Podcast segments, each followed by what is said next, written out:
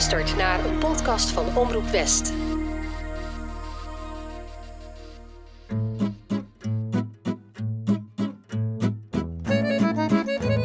Bonjour, mijn naam is Tess. En leuk dat je luistert naar het tweede seizoen van Enchanté, de chanson podcast.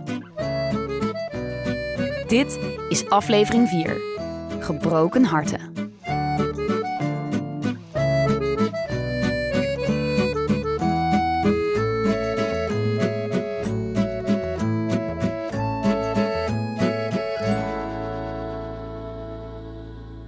Franse chanson is het genre bij uitstek om een gebroken hart in te bezingen. Ja, er is altijd ruimte voor een diep gelaagde tekst, drama wordt niet geschuwd en de melancholie mag ervan afdruipen. In deze aflevering hoor je de verhalen achter de gebroken harten van onder andere Françoise Hardy. Tu crois un jour que tu m'aimes, ne crois pas que tes souvenirs me gênent. Julie en Claire, Je te dis, souffrir par toi n'est pas souffrir. en Leo Ferré. Vous êtes prêts? Bien, c'est parti! In 1965 staat de zomer in het teken van twee hits waarin twee mannen letterlijk uitroepen hoezeer hun hart aan diggelen ligt.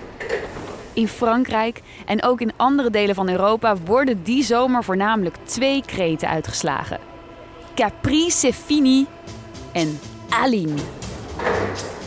Het is ochtend als de 19-jarige Hervé Villard in de Parijse metro zit. Er zit een liedje in zijn hoofd dat hij onophoudelijk neuriet. C'est fini van Charles Aznavour. C'est fini, fini, fini, fini, fini, fini, fini.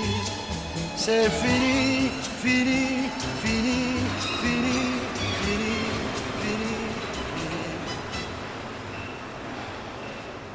Terwijl hij het station uitrijdt, ziet Hervé nog net een reclameposter langszoeven waarop een vakantie naar het Italiaanse eiland Capri wordt aangeboden.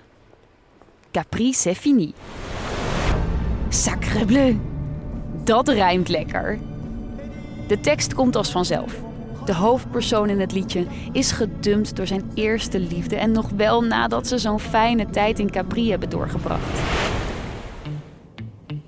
Overmand door verdriet besluit hij dat hij er nooit of te nimmer meer zal terugkeren. Hij herhaalt het voor de zekerheid nog wel veertien keer.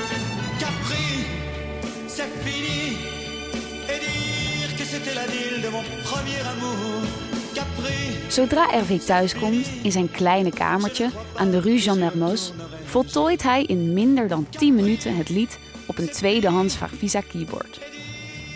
Nadat Capri C'est Fini is opgenomen en in juni op Europe 1 wordt gedraaid, is het hek van de dam. 3,3 miljoen exemplaren van het liedje gaan over de toonbank. Es ist aus und vorbei. A Capri. Natuurlijk neemt Hervé het meteen maar op in zes andere talen.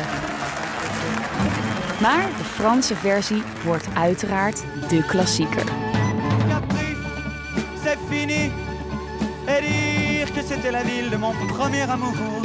Verliefde stelletjes slow dansen de hele zomer op het nummer.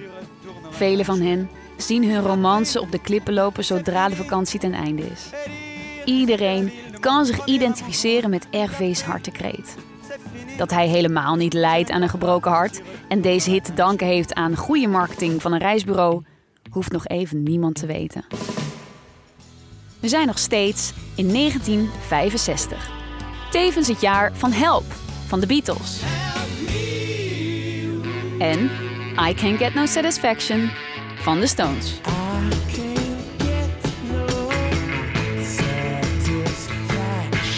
Maar het is ook het jaar van Daniel Belvilacqua.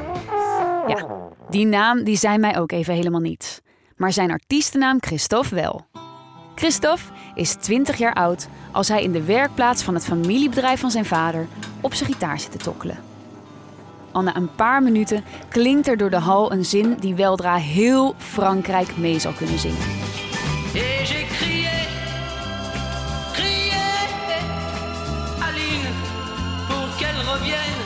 Aline, wordt een regelrechte hit.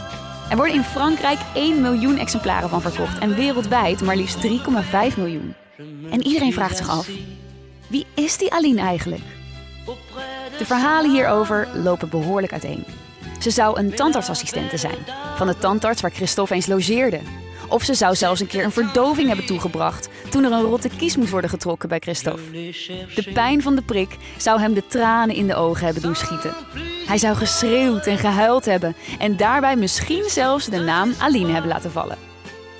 Het meest voor de hand liggende verhaal is het verhaal dat Christophe zelf meerdere keren gedeeld heeft. In 1964 speelt hij in een nachtclub in de wijk Saint-Germain-des-Prés. Daar leert hij Aline Natanovic kennen. S'avonds werkt ze er in de garderobe, maar overdag is zij, inderdaad, tandartsassistente in Montparnasse. Ja, ja tandartsassistente inderdaad. Oké, Richard, het is goed. Dit is een chanson-podcast. Ja? Mogen we door? Top. Christophe en Aline, de tandartsassistenten, raken dolverliefd op elkaar. En ze gaan zelfs samen wonen. Niets staat hun geluk nog in de weg. Maar dan gaat Christophe in militaire dienst. Wanneer hij na maanden afwezigheid zijn Aline opbelt en haar blij laat weten dat hij binnenkort verlof krijgt, zegt ze hem dat hij de moeite niet hoeft te nemen om terug naar Parijs te komen. Ze is simpelweg verliefd geworden op een ander. Bij terugkomst in Parijs stort hij zich in de armen van een ander meisje, Danielle, de beste vriendin van Aline. Maar die naam, die bekt nou eenmaal niet zo lekker als Aline. En zittend tussen de cv-ketels in die garage realiseert Christophe zich dat hij zijn ex zal moeten bezingen. Danielle krijgt een troostprijs. Haar foto siert de hoes van de plaat. Het loopt trouwens nog bijna verkeerd af met deze hit. Na de release van Aline wordt Christophe ervan beschuldigd plagiaat te hebben gepleegd. Quand j'ai sorti Aline, il y a eu un procès euh, pour plagiat. Donc le disque est sorti tout de suite du commerce. Het nummer La Romance van Jackie Molière heeft wel heel erg veel overeenkomsten. Zeg nou zelf.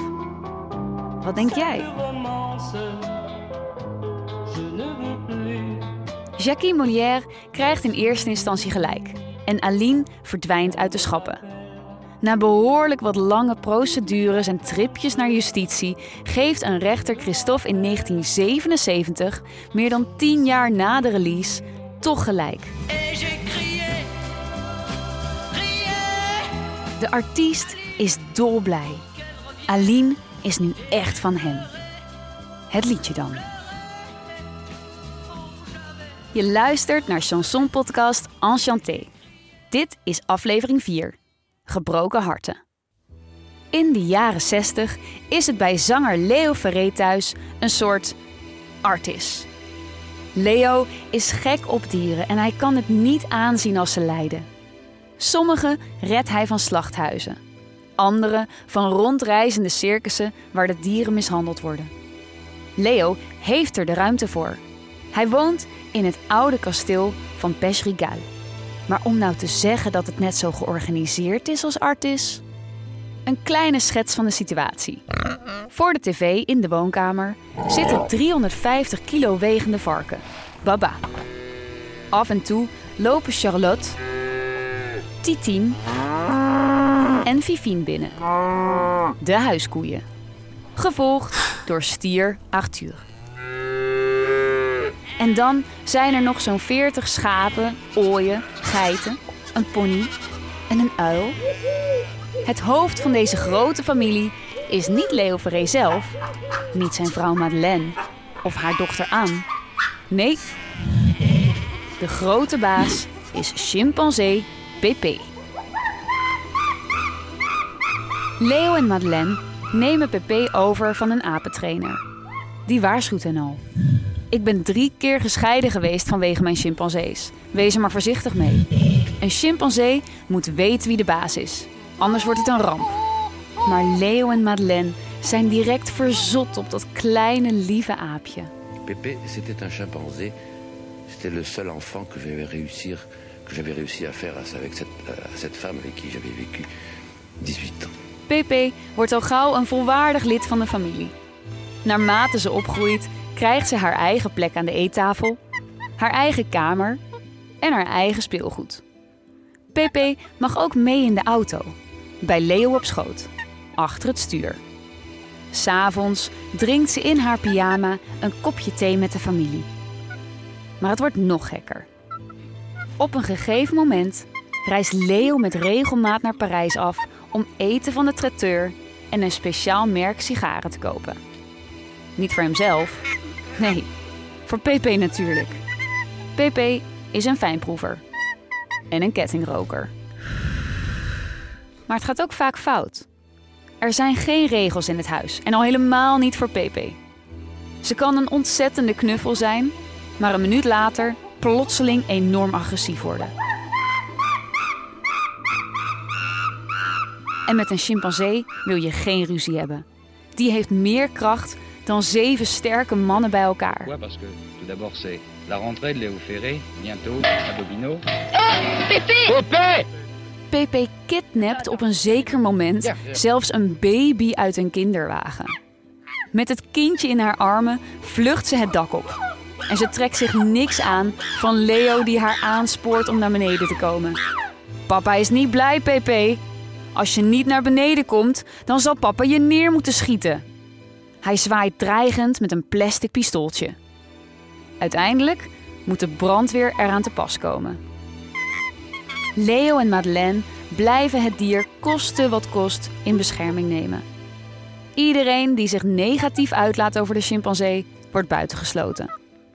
Hun vrienden en kennissenkring slinkt. Dierenverzorgers en andere werknemers op het kasteel zijn het zat om gebeten te worden en vertrekken. Ook Anne, de dochter van Madeleine, verlaat het huis. Leo en Madeleine zijn dan nagenoeg alleen met hun enorme beestenbende. Op een dag, tijdens een wandeling, slaat het noodlot toe. Pepe valt uit een boom. Het dier is er niet best aan toe en heeft vreselijke verwondingen aan haar dijbeen. Zodra een arts haar probeert te behandelen, wordt ze agressief. Wanneer Leo een paar dagen in Parijs is, kan Madeleine het lijden en de onhandelbaarheid van Pepe niet langer aan. Een jager wordt gebeld om de chimpansee uit haar kwelling te verlossen. Wanneer Leo thuiskomt en het levenloze lichaam van Pepe ziet, is hij ontroostbaar. De chimpansee wordt begraven in de tuin van Château Pechrigal. Daarna sluit Leo zich op en schrijft met tranen die als druppels over zijn wangen biggelen het aangrijpende liedje Pepe.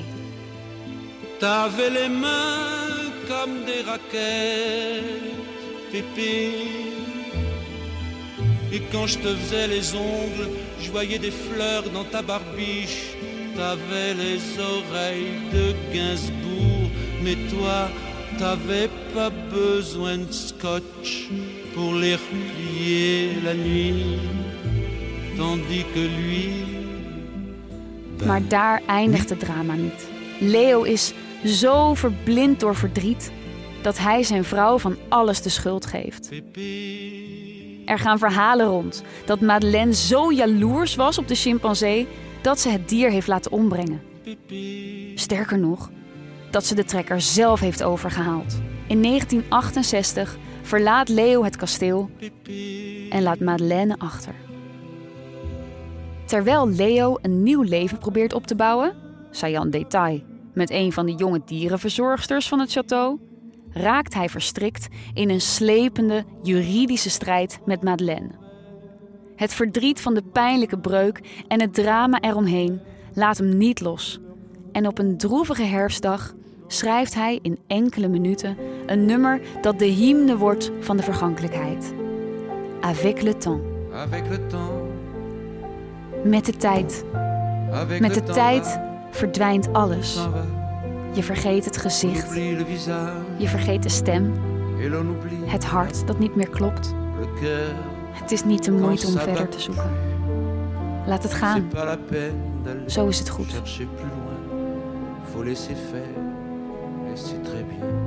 Leo Ferré's grootste verdriet wordt tevens zijn grootste succes. Het wordt gezongen door alle groten uit het chanson.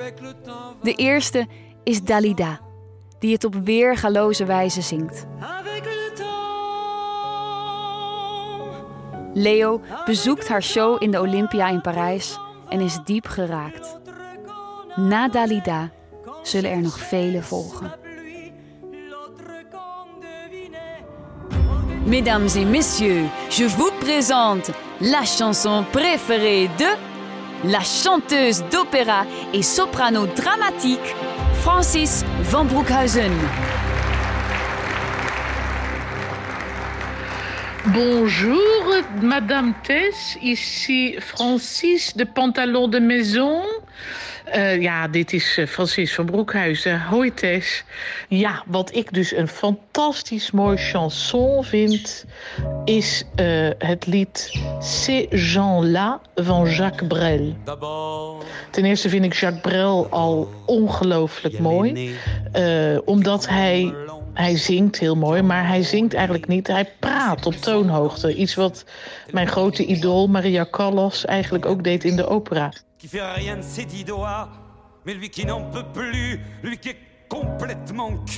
En als hij dus uh, een lied zingt of vertolkt, dan uh, is dat een verhaal. En zelfs als je het Frans niet verstaat, kan je toch op de een of andere manier begrijpen wat hij. Uh, wat hij zegt.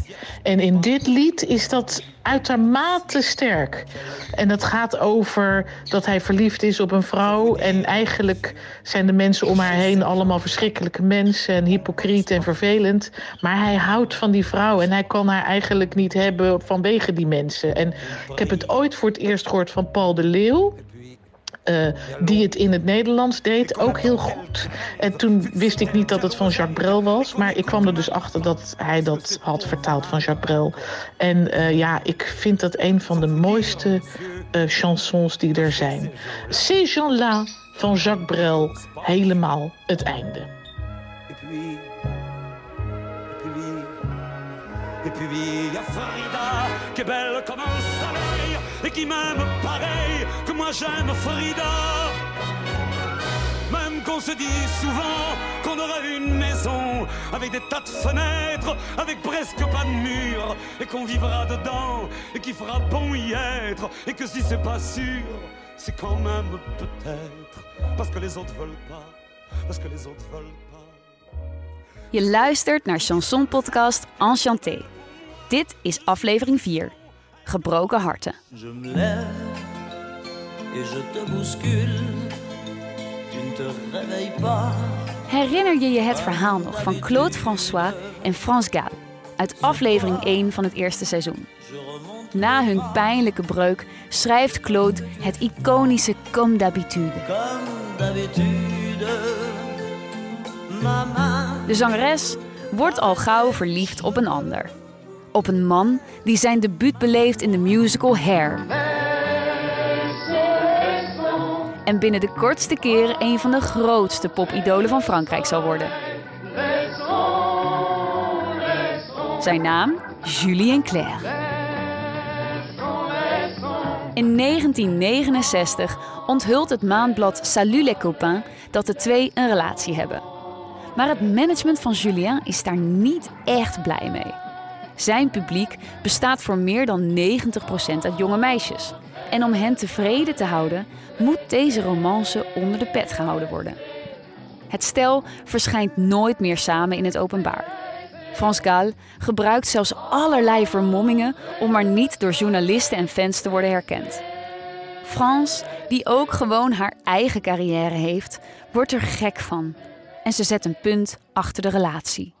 Ondanks de nachtelijke smeekbedes van Julien via de telefoon. Julien is zo verdrietig. Hij probeert het van zich af te componeren. En hij vraagt tekstschrijver Etienne Rodagil een tekst te schrijven waarin hij Frans Gall vraagt om bij hem terug te komen. Je te dis, souffrir par toi n'est pas souffrir. Souffrir par toi n'est pas souffrir. oftewel Lijden door jou is geen lijden, wordt in 1975 zelfs de opener van zijn plaat. Het bekende album Numero 6. Je weet wel, die bekende plaat met die zwarte hoes. Maar Frans Gaal komt niet bij hem terug. Zij heeft inmiddels een oogje gekregen op een andere liedjeschrijver, Michel Berger. Het nummer levert ook commercieel niet echt het gehoopte succes op.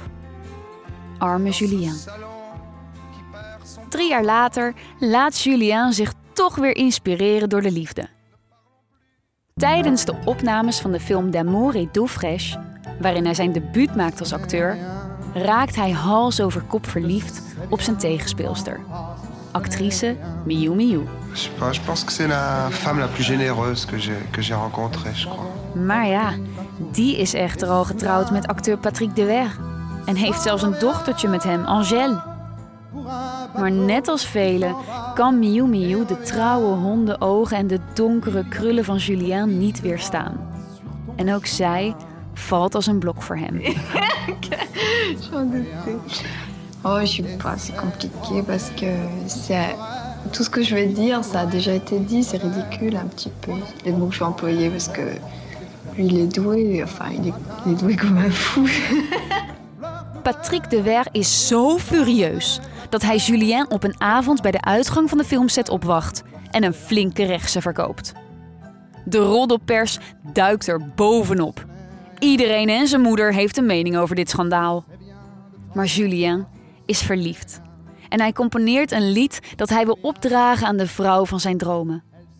Hij vraagt zijn goede vriend en tekstschrijver Jean-Luc Dabadi er een tekst op te schrijven. Maar Jean-Luc zit totaal niet op dezelfde roze wolk als Julien. En hij worstelt wekenlang met het thema. In de tussentijd ontvangt hij een bericht van de zanger Serge Reggiani. Wil Jean-Luc misschien alle teksten voor zijn toekomstige album schrijven? Hij reageert meteen. Ik voel me vereerd, beste Serge. Als ik de tijd vind, ga ik voor je aan de slag. Jij hebt mijn voorkeur. Ma préférence. En dan gaat er een lichtje branden. Ma préférence. Ma préférence à moi. Dat moet het zijn. Je gelooft niet dat het zo simpel kan zijn om een wekenlange writersblok op te heffen, maar blijkbaar is het zo. De rest van de tekst vloeit vanzelf uit Jean-Luc's pen. Ma préférence vertelt precies hoe Julien zich voelt over Miu Miu. En de mensen die zomaar een mening over haar vormen zonder haar echt te kennen. Jullie denken dat ik niet trouw zal zijn aan wie zij is. En jullie praten nu al over haar alsof ze verleden tijd voor me is. Maar zij is wie ik het liefste heb. Zij heeft mijn voorkeur.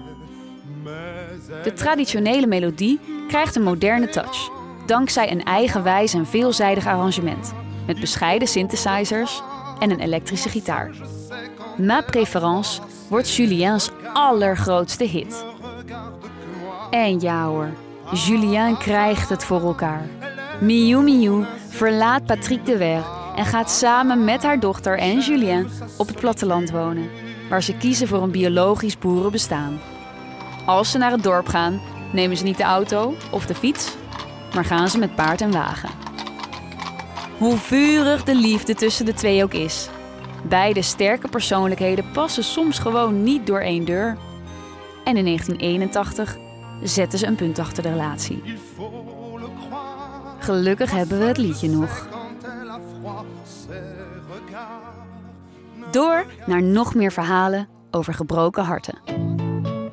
In 1963 zingt Françoise Hardy hoe alle jongens en meisjes hand in hand over straat lopen en precies weten wat liefde is. Zij lijkt zowat wel de enige te zijn die alleen is.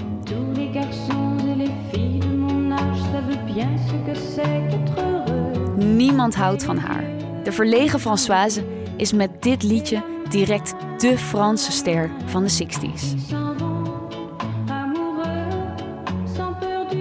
Enkele jaren na dit succesvolle debuut leert ze eindelijk de liefde kennen. In de persoon van zanger Jacques Dutronc.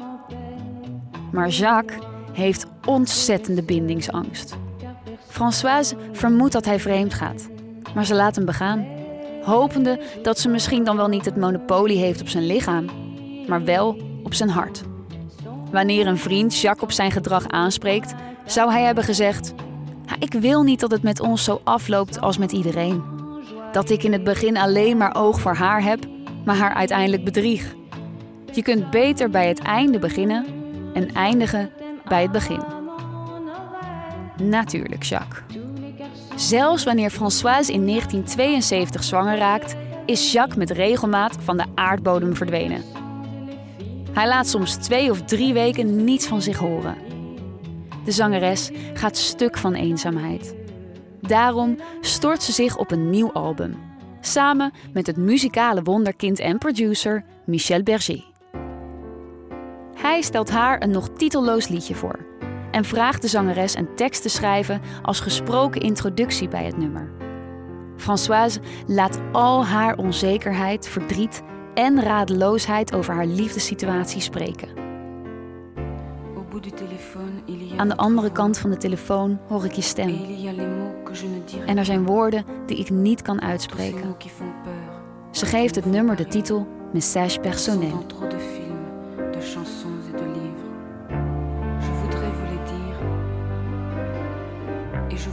Voordat het nummer kan worden opgenomen, wordt zoon Thomas geboren. Of Thomas op zijn Hollands. Op foto's is een stralend gezin te zien. Maar Jacques blijft ongrijpbaar. Moeder en baby keren terug naar Françoise's kleine appartement op het Ile Saint-Louis. En Jacques? Ja, die woont nog bij zijn ouders. Drie keer per maand ongeveer is hij bij zijn gezin. Hij heeft nu eenmaal zijn ruimte nodig. Ondertussen ligt dat liedje natuurlijk nog op de plank. En om message personnel op te nemen, moet Françoise haar moeder vragen om een dagje op te passen. Terwijl ze het lied inspreekt en zingt, struikelt ze constant over haar woorden. Ze denkt steeds maar aan de man die maar niet volledig voor haar kiest. Ze houdt zich overeind en zingt uiteindelijk het nummer af door haar zoon Thomas voor zich te zien.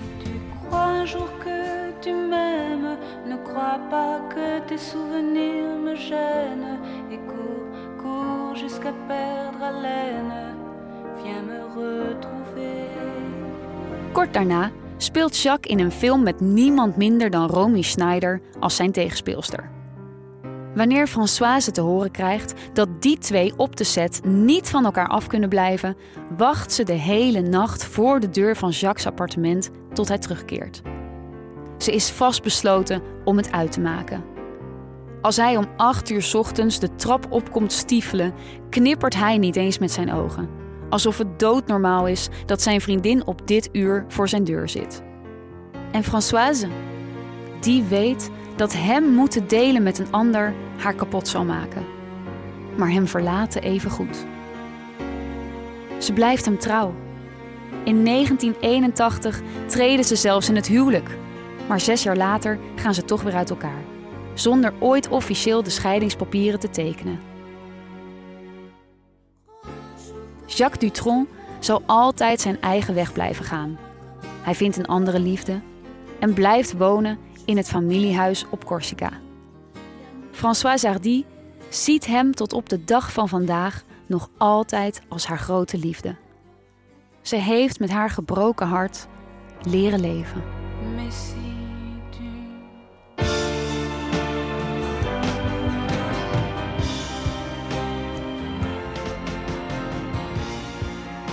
Ook vandaag de dag wordt er nog genoeg prachtige en te gekke Franstalige muziek gemaakt. Elke aflevering geef ik nieuwe luistertips binnen het thema. Numero 3. Calogero, Dénouement Heureux. Het negende album van Calogero heet Amour, met puntjes ertussen. Omdat liefde zowel mooi als ingewikkeld en verdrietig kan zijn.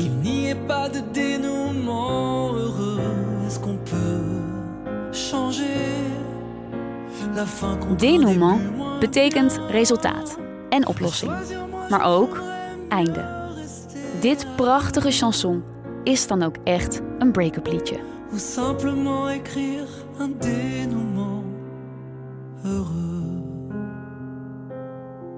Numéro 2. Mylène Farmer, à tout jamais. Mylène Farmer, of misschien zeg je wel gewoon Mylène Farmer, bracht in 2022 een nieuw album uit. Met daarop het nummer A tout jamais. Waarin ze letterlijk fuck you zegt tegen de ander.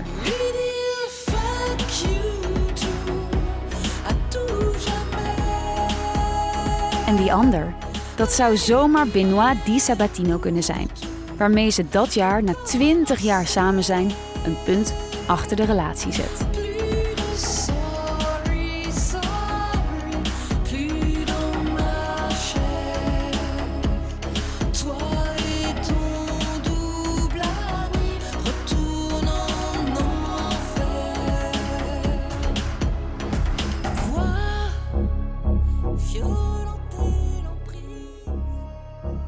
Numero 1.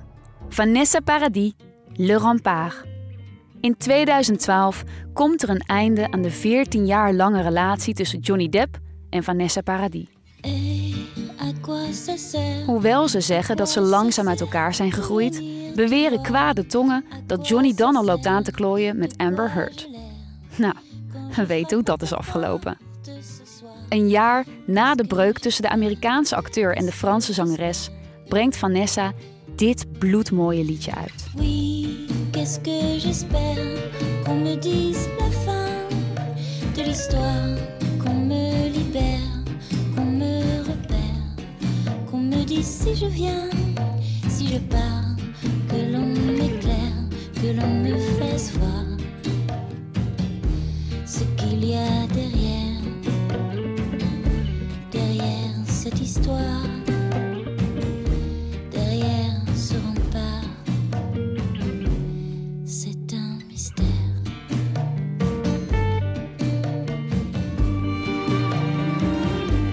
Dit was de vierde aflevering van Chanson Podcast Enchanté. In de volgende aflevering hoor je de verhalen van hen die niet altijd volledig geaccepteerd werden in de samenleving. En ik belicht liedjes die oproepen tot meer tolerantie. Met onder andere Georges Moustaki. Avec ma gueule de métèque, de juif errant, de pâtre grec et mes cheveux aux quatre vents. Josephine Baker.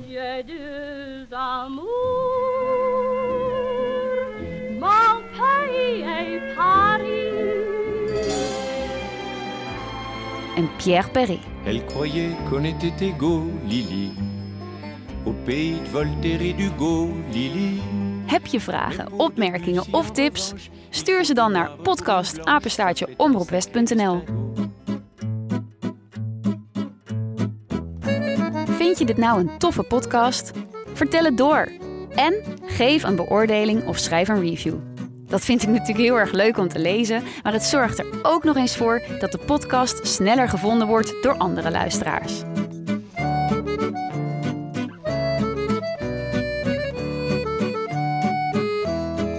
De intromuziek is geschreven door Leon Siebem en mij, met accordeonspel van Lars Visser.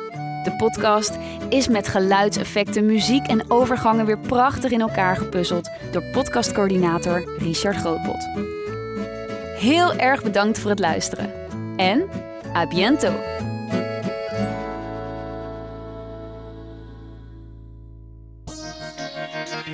Dit was een podcast van Omroep West.